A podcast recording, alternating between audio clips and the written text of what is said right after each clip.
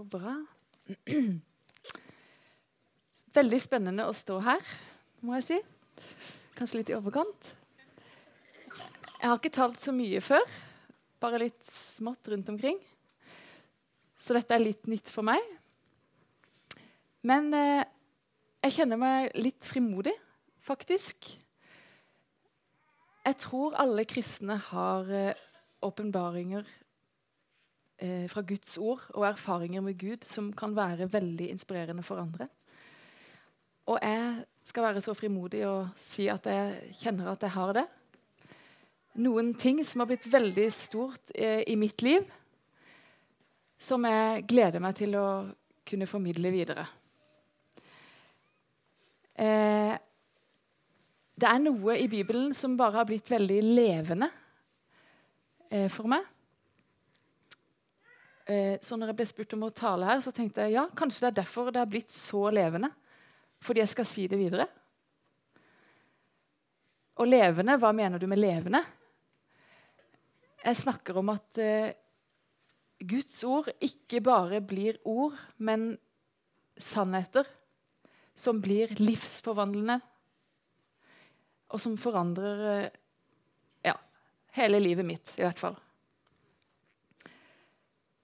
Og det er litt av det jeg skal prøve å formidle i dag. Noe av det som har hatt veldig stor innvirkning på mitt liv. Så kanskje det kan gi dere noe. Det er min bønn. Litt om meg først. Det er ikke alle som kjenner meg. Jeg er 38 år og bor på Odderhei. Gift og har to barn. En på 13 og en på 9. Og jeg omgås mye flyktninger i min hverdag, min jobb og fritid. Jobber med norskopplæring på Kongsgård skolesenter. Kjenner meg veldig heldig som får lov til å jobbe med det som er aller mest meningsfullt for min del.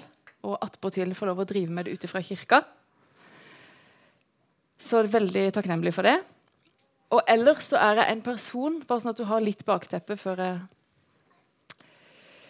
tar tak i Guds ord eh, så er jeg en person som er, kjenner meg veldig desperat etter Guds ord inn i livet mitt hele tida. Så mye jeg kan. Eh, jeg syns det er vanskelig å være kristen i et samfunn som er såpass prega av Eller som verdsetter individualisme og materialisme. Jeg syns det er utfordrende å bevare troa når det er liksom liberalisme og relativisme som er det som gjelder. Det som er rådende. Jeg syns det er vanskelig. Så jeg er så inderlig desperat etter hans ord inn i livet mitt. Og hvis jeg får det, så bevarer jeg troa mi. Det går bra. Men hvis ikke jeg får det, så går det ikke så bra for min del. Enkelt og greit. Jeg omgås mer muslimer enn kristne i løpet av en dag, som også roper til sin Gud om hjelp og styrke. Jeg har en mor som har en enorm glede i at Gud, at Jesus er hos sin frelser. Og en far som etter et langt liv har kommet fram til at uh, han verken trenger Jesus eller Gud, for han finner freden i seg sjøl og i å omfavne det holistiske mennesket. For min del så blir det en smalere og smalere vei og mer og mer motstrøms å være kristen. Eh, hvis ikke jeg fyller meg med Guds ord, som sagt. Så jeg hører konsekvent på 101,2 på radioen for å bare dra til meg det jeg kan i denne relativismen som jeg bare, vi lever i, som jeg opplever på alle arenaer. Om det så er Marit og Irene som synger hjemme i himmelen, så Jeg hører, jeg bare drar ut det jeg kan av Guds ord. Jeg bare trenger det så inderlig hver dag. Jeg leser andakten i Fevennen før jeg leser noe annet. Fordi jeg sier jeg trenger det så sårt. Og jeg går en omvei rett og slett gjennom kirkegården mellom alle gravene hver dag jeg går av bussen på KKG der. Jeg jobber på Kongsgård. Bare for å få perspektiv i livet mitt. Jeg trenger det. Jeg trenger det hver dag. Bare for å minne meg sjøl på det forgjengelige versus det uforgjengelige og evige. Det er en helt fantastisk start på dagen. Jeg anbefaler det. Gå gjennom kirkegården. Åh. Jeg bare sier det. Virkelig. Du skulle kanskje tro at jeg hadde det vondt i livet mitt. Tuste rundt der på kirkegården og prøve å finne mening. Men jeg har altså ikke det vondt i livet mitt. Ved Guds nåde så har jeg et godt liv. Bank i bordet. Et godt ekteskap. En nydelig menighet. En meningsfull jobb. Jeg har det godt. Men uten Guds ord og hans sannheter inn i livet mitt, så kjenner jeg at det blir tomt. Selv om alt det ytre er på plass. Hvis jeg skal få den eh, opplevelsen av fred og mening, så er det bare Gud som kan gi den. Det er bare det jeg vil ha fram. En, en lang innledning om det, men jeg må liksom bare, det er det som er hele bakteppet her. Eh, så jeg håper at eh, jeg kan hjelpe dere, siden jeg får lov å stå her i dag, til å minne dere på, og meg sjøl igjen, på hva Guds ord sier om oss og til oss.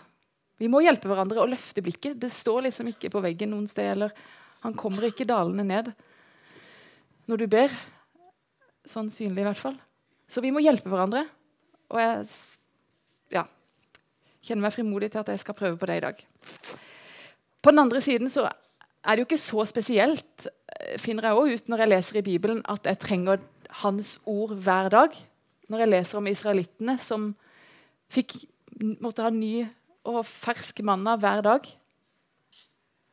på sin vandring. Fordi det de fikk den ene dagen, ikke lot seg oppbevare til den andre. Det er egentlig akkurat det jeg kjenner. Og det er også ganske bibelsk at dette ordet er levende og forandrer livet våre. Det fant jeg òg jammen meg ut. Det står 'akt på mine ord, bøy ditt øre til min tale' i ordspråkene. La dem ikke vike fra dine øyne, bevar dem dypt i ditt hjerte. For de er liv for hver den som finner dem, og legedom for hele hans legeme. Det er det jeg bare kjenner at Det er det det er for meg.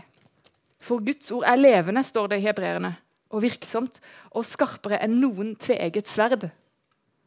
Det trenger gjennom helt til det kløver sjel og ånd, ledd og marg. Bare for å liksom si hvor sterkt ordet er, så, så, er det det det står. Og det er det jeg bare kjenner at åh, Ja, i mitt liv. Så hva er det som blir så levende for meg i Bibelen? Det er jo mange ting, men jeg skal trekke fram ett aspekt i dag som gir meg en helt guddommelig fred. Det er jo en fred vi vil ha, er det ikke det? En ro i sinnet og alt dette her som vi leter etter. Og det kan man jo absolutt få når man har noen minutter eller timer ledig og kan sette seg ned foran peisen for eksempel, og kikke inn i flammene, og pulsen går ned, og telefonen er vekk. det er mye man kan gjøre rent sånn fysisk for å bare finne roen. Der er jeg virkelig enig. Men den freden han gir, den er en helt annen dimensjon for min del. Og det står jo det 'min fred gir jeg dere', ikke den fred verden gir som om det var to forskjellige dimensjoner. Og det er det jo. Det er Guds ord som jeg skal trekke fram i dag, som er livsforvandlende for min del, det er det som omhandler evigheten. Og når jeg satte meg ned og bare skribla og skribla og skribla, hvorfor egentlig, hvorfor er egentlig det livsforvandlende og så viktig for meg? Da eh, og skulle liksom systematisere alt dette her som jeg skribla ned, så, så, ut, så, kokte det ned på en måte til fem punkter til slutt. når jeg skulle liksom gjøre det litt sånn i orden og rekkefølge. Og de fem punktene de kan, de kan bare stå her på veggen mens jeg taler, sånn at, uh, som en liten sånn oversikt. Hvis du har den Stig. Så jeg kommer til å touche borti de fem tinga der. For det var det som på en måte jeg kjenner at det er det som gjør at det er viktig for meg. Så de kan bare stå litt der, så skal jeg gå gjennom en etter en. Vi snakker jo ikke så veldig mye om evigheten, er min opplevelse. Og det er kanskje bra, for vi lever her og nå og er til stede i nuet. Og det er jo veldig bra. sånn sett. Og jeg opplever at eh, ikke så mange liker å snakke Eller veldig mange jeg kjenner, ikke liker å snakke om evigheten. Nesten flere enn de som liker å snakke om det. Og det er kanskje fordi de har det så godt i livet sitt her, og det er fantastisk. Og de, bare, de er redd for å miste dette de har her. Det er jo veldig godt tegn. Det har du jo veldig godt. Det er jo kjempebra. Men jeg tror likevel at det kan være fint å av og til snakke om det. Snakke om evigheten.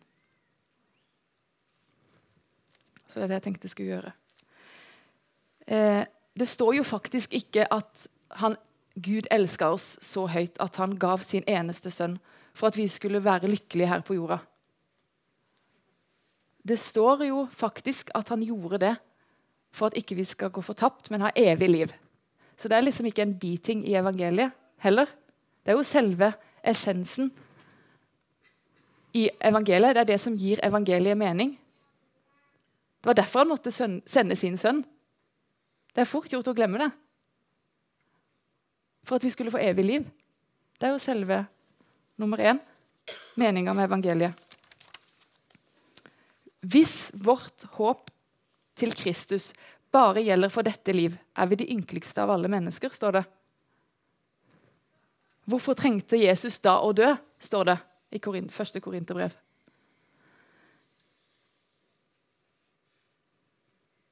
Og så går jeg bare til punkt nummer to. Måtte bare si det først. Dette med at Gud er rettferdig, det har alltid hatt litt sånn vanskeligheter med å ta inn over meg. Helt sånn fullt og helt. For hvis vi fokuserer på det livet bare her og nå, så blir det jo veldig vanskelig å si at han er rettferdig, når vi ser rundt oss på verdensbildet i forhold til både krig og naturkatastrofer og det ene med det andre. Men hvis vi ser evighetsperspektivet og det han beskriver for oss i evigheten, da går det an å se for seg at Gud er rettferdig. Så for min del er det med på å validere dette med at han er rettferdig. Det er òg en ting for min del. Så derfor er det nummer to der. Og når det gjelder oss her inne Du kan jo si rettferdig se på oss, da. Se hvor godt vi har det. Men han lar jo oss ligge i grønne enger stadig vekk. Eh, men det blir jo ikke fullkomment for oss heller før i evigheten. Det er jo da det blir fullkomment. Og det er det jeg bare elsker å lese om, og trenger nesten å lese litt om hver dag. For det er da jeg bare Da jages all slags dødsfrykt vekk fra, fra meg, i hvert fall. Og så kommer det heller en glede over døden, hvis jeg kan si det rett ut, for min del. Vet du hva det står i Johans åpenbaring? Jeg så Det blir en del bibelvers, jeg må bare si det. Noen, i hvert fall. Men så har jeg ikke de der. Men jeg skal prøve å lese litt sånn sakte og tydelig. Og når jeg leser de, ikke bare hør orda, for da blir det veldig tomt. Men tenk at det er Guds sannheter, Guds ord. Da blir det litt annerledes å høre disse orda. Jeg så en ny himmel og en ny jord. Den første himmelen og den første jorden var borte, og havet var ikke mer. Jeg hørte en kraftig stemme fra tronen si, Se, nå har Gud tatt bolig blant menneskene. Han skal bo sammen med dem, og de skal være hans folk. Ja, Gud selv skal være hos dem. Han skal tørke hver tåre av øynene deres, og døden skal ikke eksistere mer. Det skal ikke lenger forekomme noen sorg eller gråt eller pine. Alt som var før, er borte. Det er det, det er det, vi har i vente.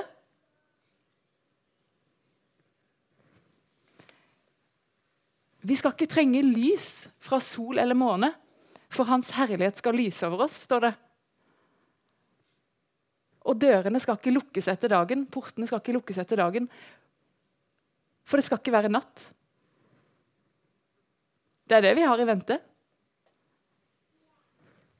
Jeg syns det er helt fantastisk. Jeg må bare lese noe til som står i 1. Korinterbrev 15. Se, jeg sier dere et mysterium. Vi skal ikke alle sovne inn. Vi skal alle bli forvandlet brått i et øyeblikk ved den siste basunen. For basunen skal lyde, og de døde skal bli reist opp uforgjengelige, og vi skal bli forvandlet. Når dette forgjengelige er blitt ikledd uforgjengelighet, og dette dødelige er blitt ikledd udødelighet, da blir det ordet oppfylt som står skrevet. Døden er oppslukt til seier. Død, hvor er din brodd? Død, hvor er din seier? Vi skal ikke dø. Vi skal ikke dø. Vi skal være hos Han. Vi skal gå til noe bedre. Jesus sa 'Jeg går bort for å gjøre i stand et sted for dere'. Og når jeg har gått bort og gjort stand et sted for dere, skal jeg komme tilbake og ta dere til meg, så dere kan være der som jeg er. Åh. Det er fantastisk. Så fred i at det er det som venter oss.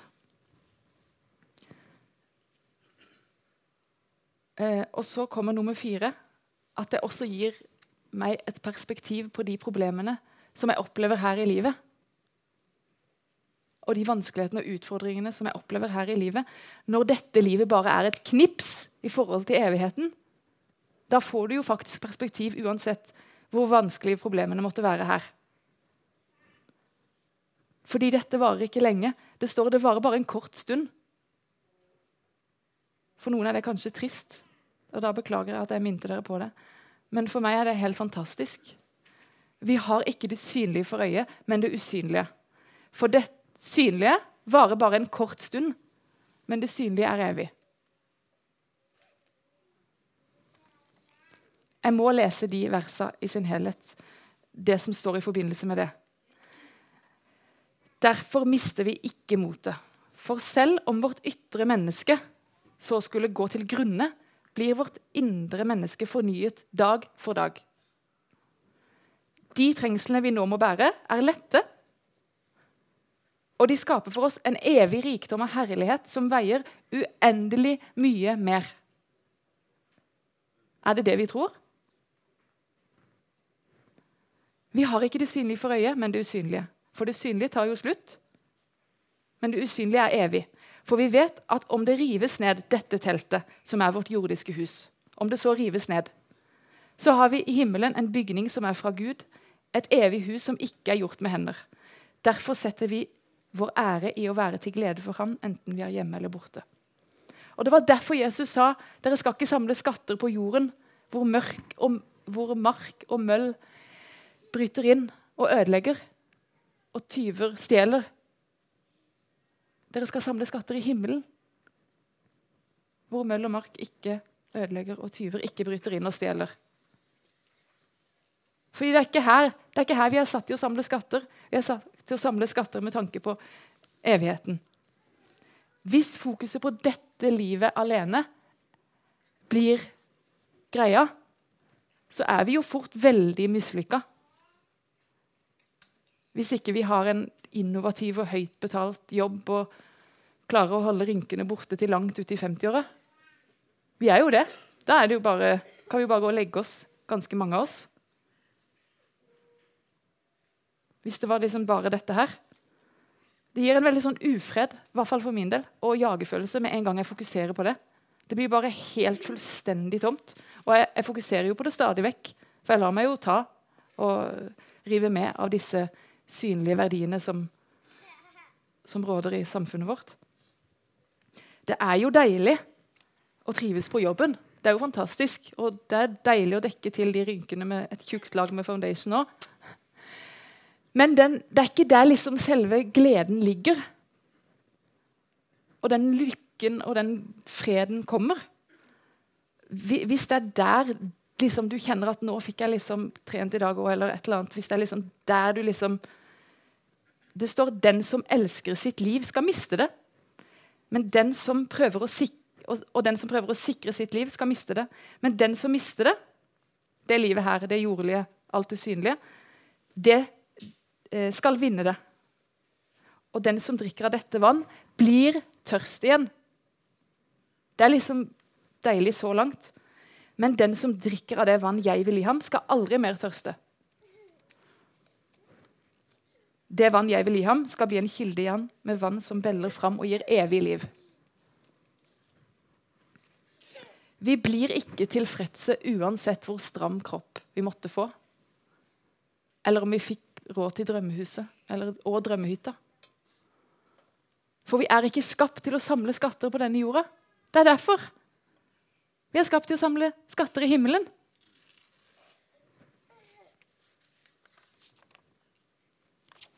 Det går faktisk ikke an å fokusere både på det forgjengelige og det jordlige samtidig som det uforgjengelige og det evige.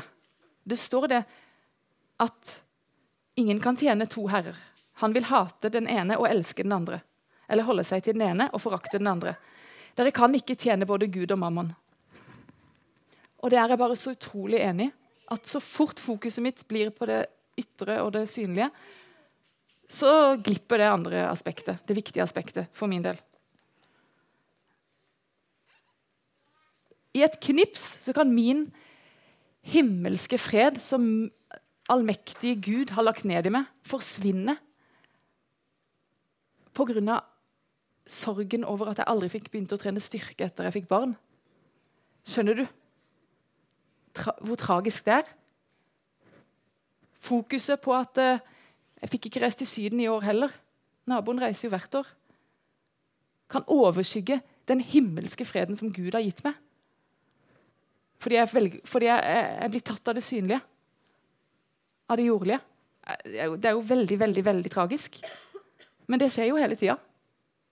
Det er derfor jeg sier jeg må bare passe på å fylle opp den motvekten til det jordlige. Det er jo bare å kjøpe et magasin på Narvesen, så skjønner du jo fort alt du mangler. På 1, 2, 3 så kan du føle deg fattig fordi ikke du får reist utenlands og oppdage, oppdage nye byer. Eller at du forstår at alt du eier og har, egentlig har fjorårets farger. Så kan du føle deg mislykka midt i at han står der og egentlig har den optimale freden. Av de tinga der. Det er utrolig, utrolig tragisk. Og det er da jeg må dykke ned i Guds ord og få den derre motvekten. Så finner jeg jo ut at jeg mangler jo ingenting. Det står faktisk ikke 'salig er de som har glatt hud'. Og det står ikke 'bevare din sixpack fremfor alt du bevarer'. Heldigvis så står det ikke det. Og det står heller ikke at han er nær hos de som har høy selvtillit. Det står ikke det. Det står 'salige er de som er rene av hjerte'. Det er det det står. Det er de som er salige. De skal arve Guds rike. Det er noen ganske andre verdier enn det samfunnet vårt verdsetter. Og bevar ditt hjerte framfor alt du bevarer. Og Herren er nær hos dem som har et sønderknust hjerte. Det er noe ganske annet.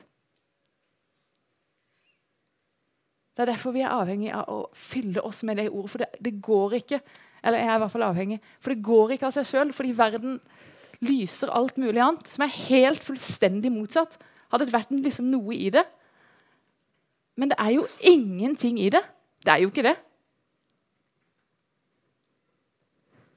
Nei.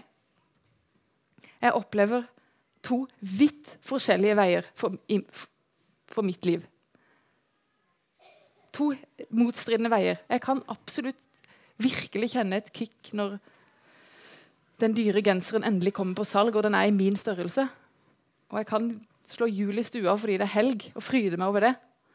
Det er ikke det jeg sier, altså. Men den freden han gir, han som har et evig paradis i vente Det står faktisk 'paradis'. Jesus sa eh, røveren sa på korset, 'Husk på meg når du kommer i ditt rike'. Så sa Jesus sannelig, 'Jeg sier deg, skal, i dag skal du være med meg til paradis'. Så som jeg har sagt, vært inne på, selve meninga med evangeliet Det var derfor Jesus måtte dø. Guds rettferdighet. Dødsfrykten erstattes av glede og de jordiske problemene våre blir satt i et veldig mye større perspektiv. Og det siste punktet det er at eh, evighetsperspektivet blir utslagsgivende for livsstilen min. For valga jeg tar, hva jeg vil bruke tida på hver dag. Det er to forskjellige liv igjen. To helt forskjellige retninger for min del. Hva er det første jeg tenker på når jeg våkner om morgenen? Og planlegger uka, f.eks.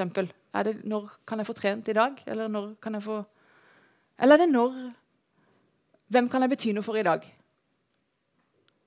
Hvem kan jeg bruke noe av tida mi på denne uka som trenger meg? Det får noe å si for de valgene vi tar hver dag. Det får noe å si.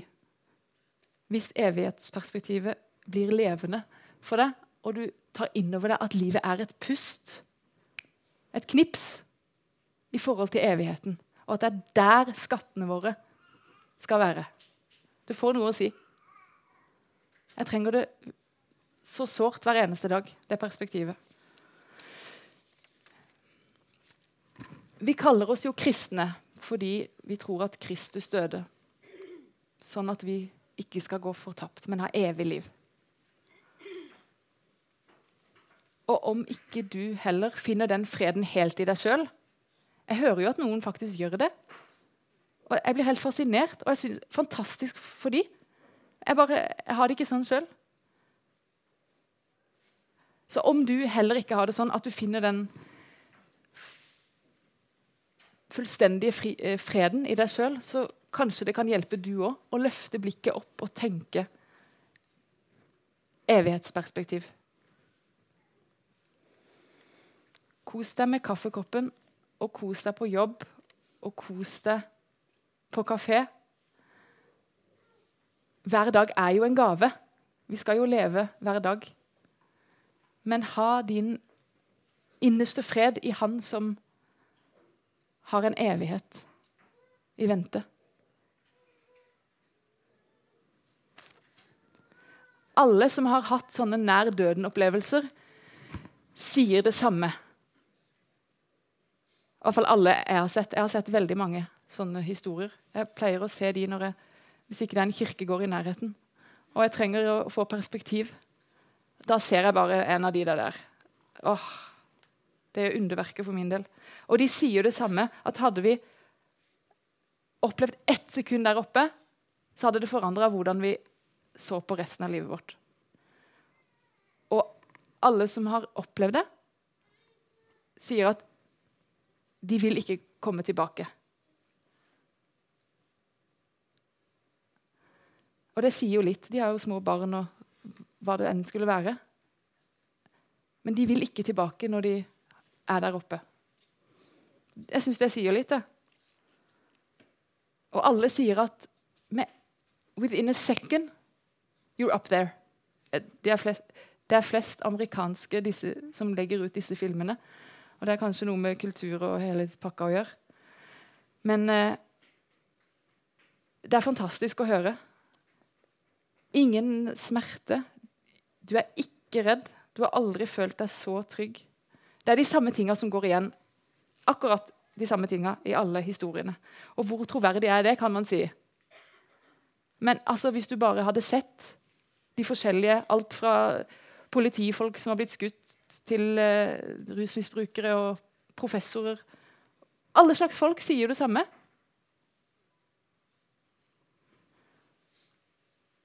Og alle sier at det forandrer hvordan du ser på hver dag resten av livet ditt. Jeg har ikke vært i himmelen, men jeg har opplevd at det faktisk endrer hele livsperspektivet mitt.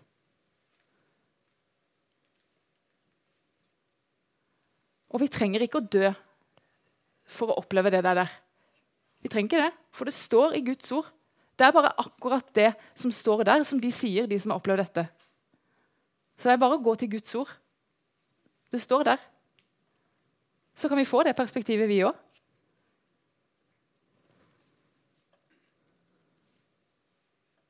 Vi skal ikke alle sovne inn. Vi skal ikke det. Vi skal forvandles brått i et øyeblikk. Sorg, gråt, natt, mørke. Død skal ikke være mer.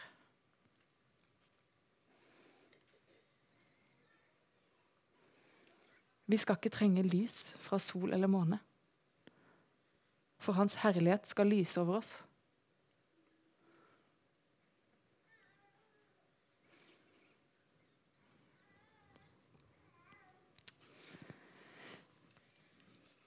Takk for meg.